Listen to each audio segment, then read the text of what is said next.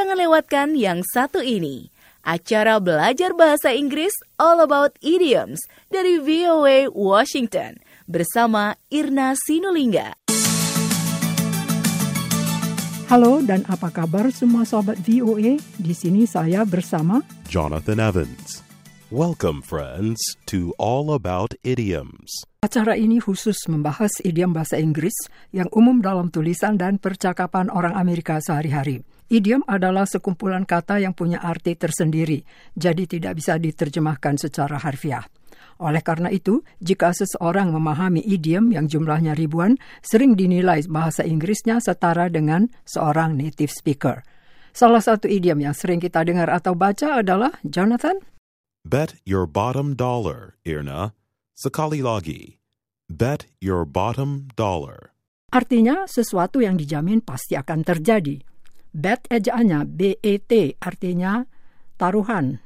Your ejaannya Y-O-U-R artinya kamu. Bottom ejaannya B-O-T-T-O-M artinya paling bawah. Dollar ejaannya D-O-L-L-A-R artinya dolar. Secara harfiah artinya berani bertaruh sampai uangnya tak tersisa lagi, bahwa sesuatu yang dikatakannya dijamin terjadi.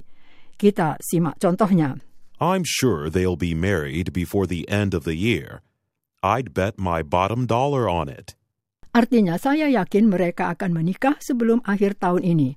Aku jamin pernikahan itu pasti berlangsung.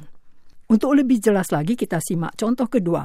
I know you think you're going to get the job, but don't bet your bottom dollar on it. Artinya, aku tahu kamu beranggapan kamu bakal mendapat pekerjaan itu, tetapi kamu tidak bisa jamin pekerjaan itu pasti kamu dapat. Kemudian ada lagi idiom Bet my boots. Sekali lagi. Bet my boots. Artinya, aku jamin hal itu akan terjadi. Boots, ejaannya B-O-O-T-S, artinya sepatu bot. Kita simak contohnya. I'd bet my boots the conglomerate president will nominate Laura to be the next finance director of the company.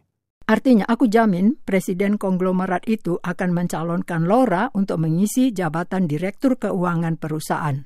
Perlu diketahui penggunaan idiom bet my bottom dollar bisa untuk sesuatu yang positif maupun negatif, sedangkan idiom bet my boots untuk sesuatu yang positif saja. Hanya sekian untuk hari ini. So long, and thanks for listening.